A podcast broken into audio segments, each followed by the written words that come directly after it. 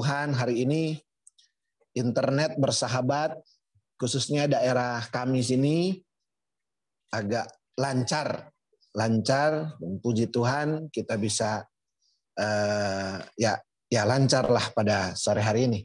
Puji Tuhan firman Tuhan pada hari ini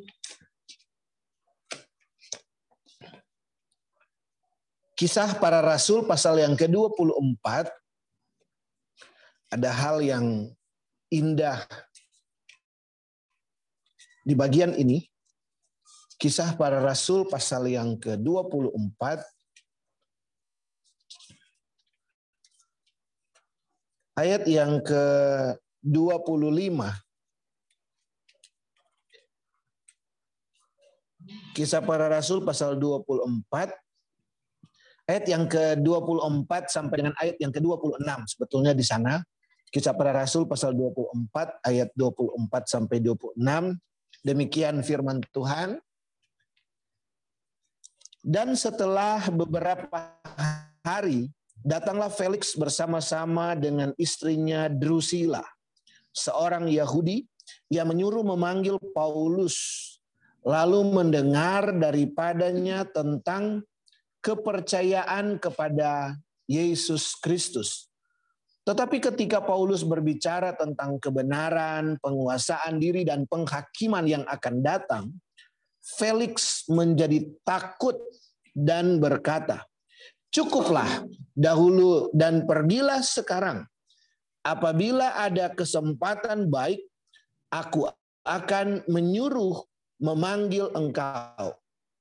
Sementara itu ia berharap bahwa Paulus akan memberikan uang kepadanya karena itu ia sering memanggilnya untuk bercakap-cakap dengan dia. Puji Tuhan. Saudara-saudara yang kekasih dalam Tuhan.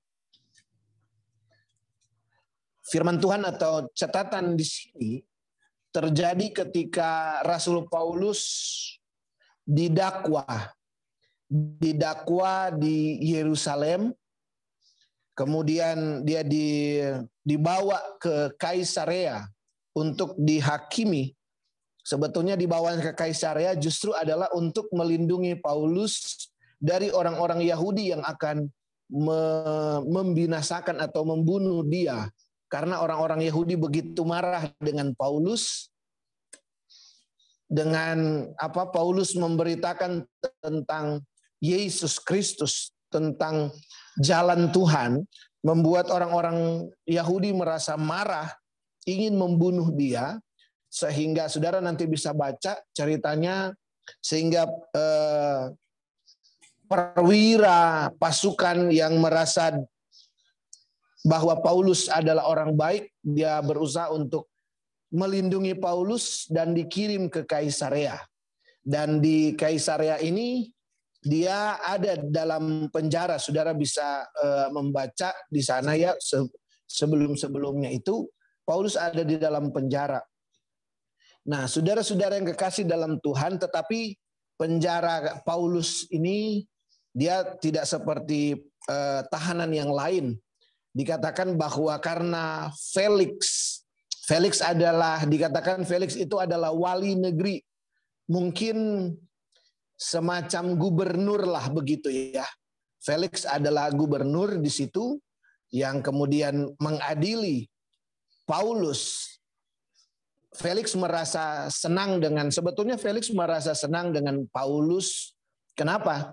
Karena kalau saudara nanti membaca Paulus orang yang baik, dia dia orang yang jujur dan bisa dipercaya. Jadi Felix pun merasa percaya kepada Paulus sehingga ketika ditahan Felix pun memerintahkan Paulus untuk diberikan tahanan ringan. Jadi bukan tahanan tahanan yang berat tapi tahanan ringan.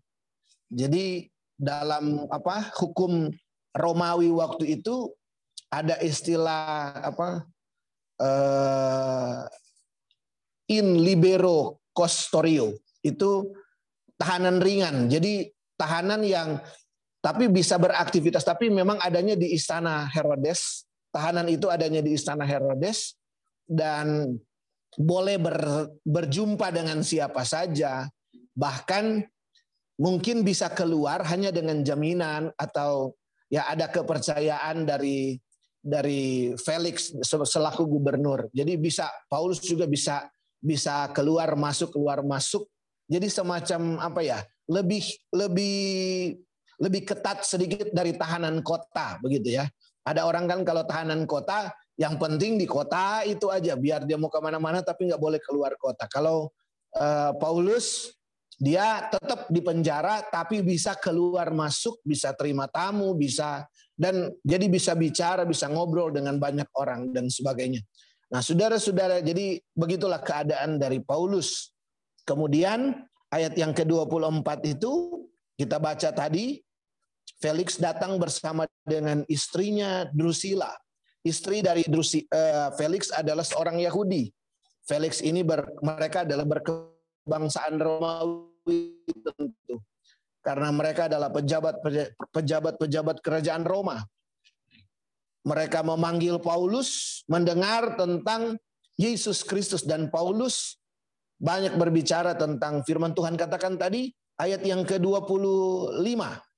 Tetapi ketika Paulus berbicara tentang kebenaran, penguasaan diri dan penghakiman yang akan datang, Felix menjadi takut dan berkata, "Cukuplah dahulu dan pergilah sekarang." Yang menarik sekali di situ dikatakan Felix menjadi takut. Kenapa Felix menjadi takut? Karena Paulus berbicara tentang kebenaran, penguasaan diri, dan penghakiman yang akan datang. Dan ini sangat-sangat menakutkan bagi Felix. Kenapa? Ya, begitulah. Kadang-kadang firman Tuhan datang itu seperti sesuatu yang menakutkan. Kenapa? Karena adanya konsekuensi dari kehidupan saat ini. Bagaimana kalau kehidupan saat ini untuk orang-orang yang di luar Tuhan, tentu ada konsekuensinya. Tidak hidup di dalam keselamatan, di dalam anugerah Tuhan, ada konsekuensinya. Dan bagi orang yang tidak hidup di di dalam Tuhan, seperti ah yang benar aja, eh, ya ada seperti menakutkan ya. Rupanya bahkan Firman Tuhan katakan di sini Felix menjadi takut, tetapi saya ada satu Eh, terjemahan lain dikatakan Felix gemetar. Gemetar. Jadi ketakutan ini bukan ketakutan biasa.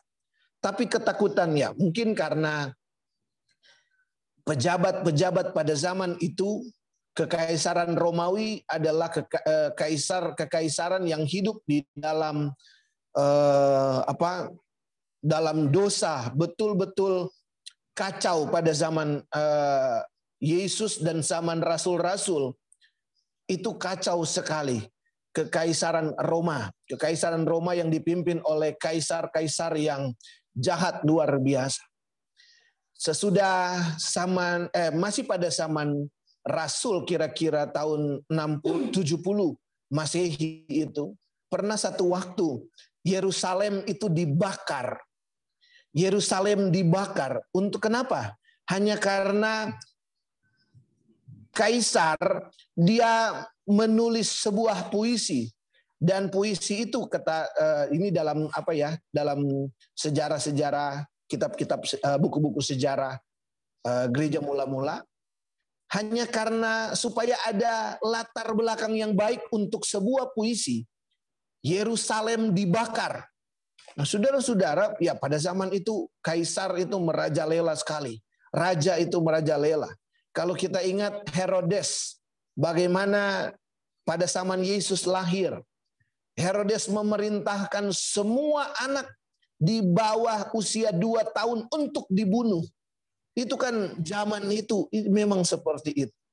Jadi ketika orang-orang pejabat eh, seperti Felix mendengarkan tentang firman Allah, tentang keselamatan, tentang jalan keselamatan, tentang penghakiman menjadi gemetar luar biasa karena ketakutan akan konsekuensi dosa. Nah, saudara-saudara, tapi ada hal yang menarik yang ingin uh, saya berbagi kepada saudara ketika saya membaca kebenaran firman Tuhan ini, saya melihat bahwa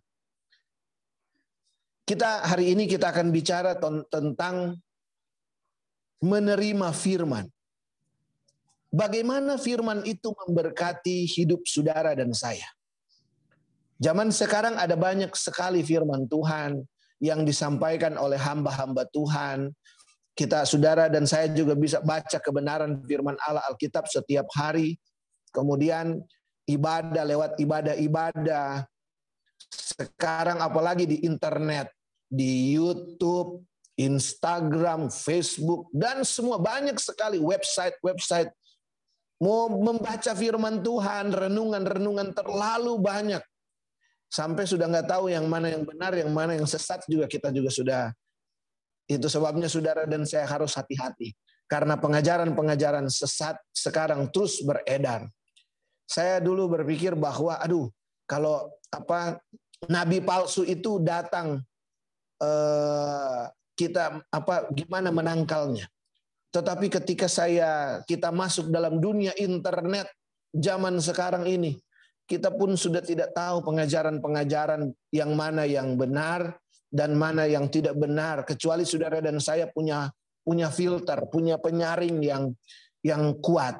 Itu sebabnya saya mendorong saudara-saudara jemaat Tuhan untuk bertumbuh di dalam firman Tuhan setiap waktu supaya kita bisa tahu, bisa tahu mana yang pengajaran yang benar dan mana pengajaran yang keliru mana pengajaran yang sesat. Nah, saudara-saudara, supaya kita hati-hati, hati-hati dan uh, mawas diri di hari-hari ini banyak sekali akan tampil dan ya mungkin hari-hari ini mulai itu penyesat-penyesat yang didukung dengan dunia digital, dunia internet yang luar biasa. Dulu saya masih ingat saudara-saudara uh, ada ada gereja-gereja yang di yang saudara mungkin pernah dengar ada istilah gereja setan. Itu uh, Mormon. Kemudian ada ada gereja-gereja seperti uh, ajaran-ajaran sesat di Kristen ya seperti saksi Yehova dan sebagainya. Tidak boleh masuk rumah, tidak diizinkan masuk dalam rumah. Tetapi mereka sekarang tidak diizinkan masuk rumah, tapi sekarang lewat digital, internet, ajaran-ajaran gereja setan, Mormon, saksi Yehova, eh, apa apa namanya Christian Science ada istilahnya gereja isti, Christian Science eh, dan macam-macam itu masuk ke rumah-rumah orang-orang Kristen dan bersyukur saudara dan saya tetap ada di dalam jalur kebenaran firman Allah. Nah, saudara-saudara yang kekasih dalam Tuhan, firman di sini dikatakan bahwa ketika Felix mendengar firman Tuhan dia menjadi takut. Dalam istilah yang lain dia menjadi gemetar, gemetar ketakutan. Nah, saudara-saudara yang kekasih dalam Tuhan, bagaimana kita menerima firman? Bagaimana kita merespon firman? Ini yang ingin saya bagikan kepada saudara satu hal yang yang Tuhan taruh di hati saya firman itu harus bisa memberi faedah kepada saudara dan saya. Jadi seperti ini, saya beri contoh. Saudara mungkin pernah sakit, saya pernah sakit, dan uh, ya banyak yang pernah sakit, banyak yang pernah sakit. Nah, saudara-saudara yang kekasih dalam Tuhan, uh, ke orang sakit Dikasih obat kan sama dokter. Waktu minum obat, ya saya saya juga kemarin ada sempat ini apa ya darah tinggi gitu ya. Darah tinggi minum obat kok nggak turun-turun darahnya. Ah nggak cocok ini obat nih nggak bener nggak bagus nih obat ganti obat minum obat yang lain darahnya turun. Oh ini obat ini baik sekali. Obat yang pertama kurang baik karena tidak membawa manfaat, tidak memberi faedah. Nah, saudara-saudara, kebenaran firman Allah yang saudara dan saya dengar itu seharusnya memberi faedah. Harus bisa mendatangkan manfaat dalam hidup saudara dan saya. Bukan firman Tuhannya yang tidak benar, bukan firman Tuhannya yang yang tidak manjur. Tetapi sering kali kehidupan anak Tuhan, kehidupan orang-orang, kehidupan kita yang kadang-kadang kurang bereaksi, kurang apa? Sehingga ketika firman Tuhan itu datang, banyak yang kehilangan faedah, tidak menangkap, tidak mendapatkan faedahnya. Nah, saudara-saudara kekasih dalam Tuhan, saya percaya bahwa firman Tuhan yang sudah diberikan Tuhan dari kejadian sampai wahyu ditulis oleh ratusan atau ribuan orang, memang 66 kitab uh, perjanjian lama dan perjanjian baru. Tetapi penulisnya begitu banyak ratusan ratusan orang dalam kurun waktu yang berbeda, tetapi menulis tentang kebenaran yang utuh di dalam Tuhan. Dan itu saudara dan saya boleh terima. Tapi saudara-saudara, bahwa firman Tuhan ini harus kita harus bisa menangkap manfaat dari firman Tuhan ini. Nah, bagaimana untuk saudara dan eh, saya bisa menangkap firman Tuhan ini. Amos pasal yang ke-8 ayat yang ke-11. Amos pasal yang ke-8 ayat yang ke-11. Firman Tuhan katakan, Sesungguhnya waktu akan datang. Demikianlah firman Tuhan Allah. Aku akan mengirimkan kelaparan ke negeri ini. Bukan kelaparan akan makanan dan bukan kehausan akan air. Melainkan akan mendengarkan firman Tuhan. Haleluya. Kalau ketika saudara dan saya haus, ketika kita minum, maka air itu sangat-sangat menyegarkan sekali.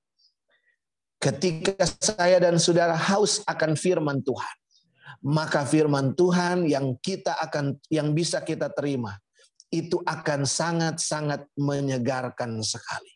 Itu sebabnya ketika saudara dan saya datang kepada Tuhan, belajar firman Tuhan, membaca firman Tuhan, mem, apa namanya? membuka firman Tuhan, mendengarkan firman Tuhan. Kalau dalam hidup saya dan saudara diberikan rasa lapar dan haus akan firman, itu akan membawa faedah buat saudara dan saya.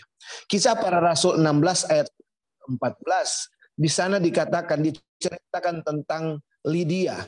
Kisah para Rasul pasal yang ke-16 ayat yang ke-14. Firman Tuhan katakan, seorang dari perempuan-perempuan itu yang bernama Lydia turut mendengarkan mendengarkan firman Tuhan.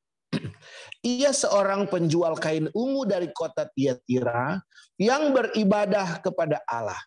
Tuhan membuka hatinya sehingga ia memperhatikan apa yang dikatakan oleh Paulus. Itu sebabnya kan ketika saudara dan saya datang kepada Tuhan, kita berdoa kepada Tuhan, Tuhan, biar engkau menjamahku ketika aku menghampiri engkau. Saya percaya dari awal kita beribadah, bahkan kerinduan kita menyiapkan kehidupan kita untuk beribadah. Nanti misalnya pagi-pagi atau malam saudara ada kerinduan membaca firman Allah, berdoa secara pribadi. Allah melihat semuanya. Dia yang membuka, memberikan rasa haus. Tadi firman Tuhan katakan Amos 8, aku mencurahkan Aku akan mengirimkan lapar dan haus akan firman Tuhan. Ke mana? Ke hati saya dan saudara. Kalau hati kita ini diberikan rasa lapar dan haus. Kalau hati kita ini terbuka, dibukakan oleh Tuhan. Saudara dan saya akan dapat menikmati faedah, menikmati manfaat dari kebenaran firman Allah yang saudara dan saya suka eh, dengar dan terima.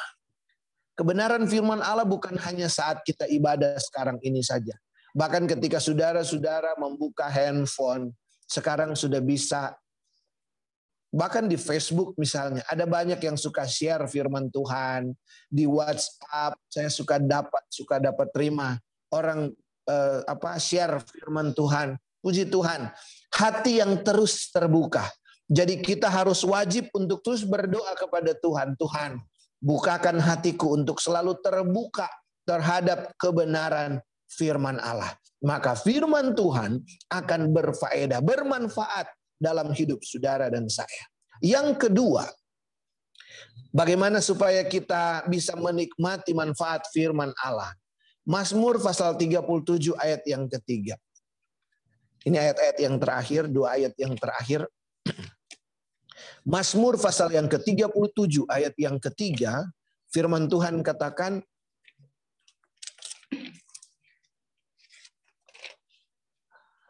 percayalah kepada Tuhan dan lakukanlah yang baik. Diamlah di negeri dan berlakulah setia. Percayalah kepada Tuhan. Percayalah kepada Tuhan dan lakukanlah yang baik. Ketika saudara dan saya mendengar firman Allah, kita harus melakukan firman Allah itu. Tadi Felix dia berkata kepada Rasul Paulus ketika dia mendengar firman Allah, firman tentang kebenaran, tentang penguasaan diri, tentang penghakiman yang akan datang, tentang nama Tuhan, tentang keselamatan dia dengar.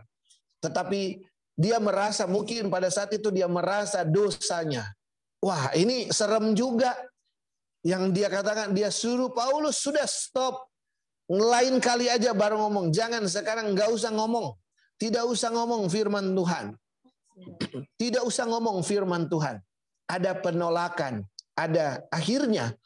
Padahal firman itu sudah bereaksi dalam hidupnya. Tetapi dia tidak mau percaya dan dia tidak mau melakukan firman Tuhan. Padahal tubuh jiwanya sudah bereaksi. Sudah ada reaksi, dia gemetar. Yang bahaya kan kadang-kadang kita Kenapa uh, Yesus mengecam orang-orang ahli-ahli Taurat, orang-orang Farisi? Mereka sudah biasa dengan firman Tuhan. Eh, firman Tuhan lah biasalah itu dan sebagainya. Itu sebabnya saya mendorong saudara dan saya ketika kita mendengar firman Allah. Kadang-kadang banyak juga malah sekarang kayak orang main badminton kok biar dikasih ke sebelah, kasih ke seberang, kasih ke lawan, jangan ke kita. Kalau kok itu datang ke kita, kita tangkis biar biar loncat ke seberang. Firman Tuhan sering kali begitu. Oh, itu bukan buat saya, itu itu buat teman saya. Oh, itu firman Tuhan bukan buat dia. Sehingga bukan buat kita lagi. Saudara-saudara, sebagai hamba Tuhan juga saya tidak pernah mau terjebak dengan itu saya berdoa terus kepada Tuhan biar firman Tuhan bahkan firman Tuhan yang saya siapkan saya mau bagikan buat jemaat itu bukan cuman buat jemaat. Sebab hamba Tuhan kadang-kadang ya bisa saja cuman apa siapin khotbah bagikan selesai. Tetapi saya juga mau untuk hidup di dari sana. Hidup dari firman Tuhan yang disampaikan. Jadi bukan hanya jemaat yang diberkati, saya juga sebagai hamba Tuhan harus diberkati dengan firman Tuhan itu. Sehingga firman Tuhan tidak menjadi biasa-biasa saja. Sudah tidak gemetar lagi ketika dengar firman Tuhan. Tetapi saya bersyukur setiap kali saya mendengar firman Tuhan atau saya mempersiapkan firman Tuhan, hati ini juga tergetar.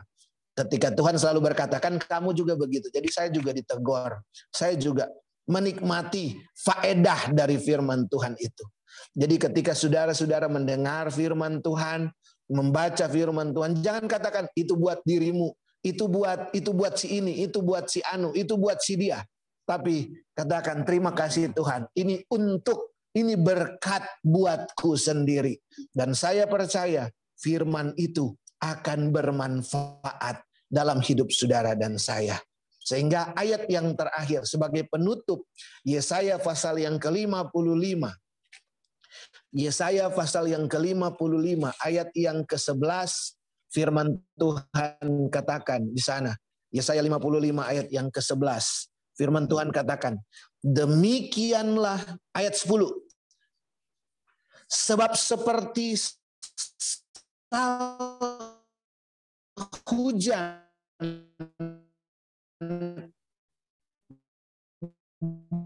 dan salju turun dari langit bumbuhan, memberikan benih kepada penabur dan roti kepada orang yang mau makan. Demikianlah firmanku yang keluar dari mulutku. Ia tidak akan kembali kepadaku dengan sia-sia, tetapi ia akan melaksanakan apa yang ku kehendaki dan akan berhasil dalam apa yang kusuruhkan kepadanya. Haleluya.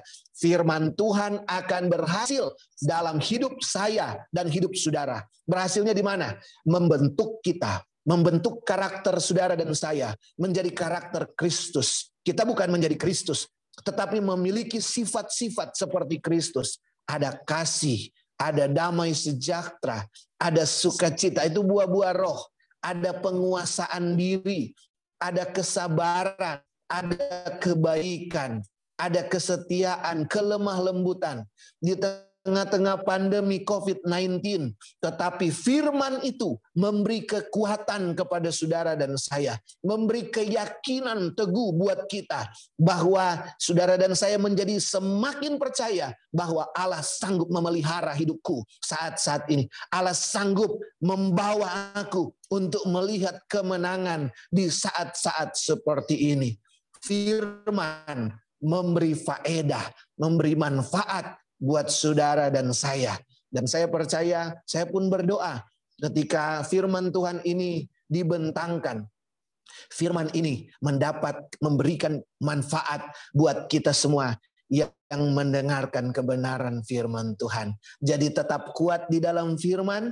Jangan lupa tadi, terus berdoa kepada Tuhan, beri aku rasa lapar dan haus selalu akan firman Tuhan dan kemudian kita terus percaya, lakukan terus kebenaran firman Tuhan, maka firman Tuhan bermanfaat dalam hidup saudara dan saya. Tetap kuat di masa sukar, tetap setia di masa pandemi sampai Tuhan dengan caranya Tuhan membawa kita untuk melihat kemenangan atas hari-hari ini, masa depan saudara dan saya dalam jaminan kuasa Tuhan. Tuhan Yesus memberkati kita semua dan kita akan masuk eh, kita akan berdoa untuk firman Tuhan dan kita akan berdoa sekalian untuk eh, menutup pertemuan kita pada sore hari ini.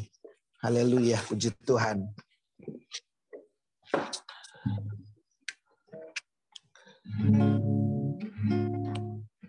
Bagi Tuhan tak ada yang mustahil bagi Tuhan. Tak ada yang tak mungkin mujizatnya disediakan bagiku.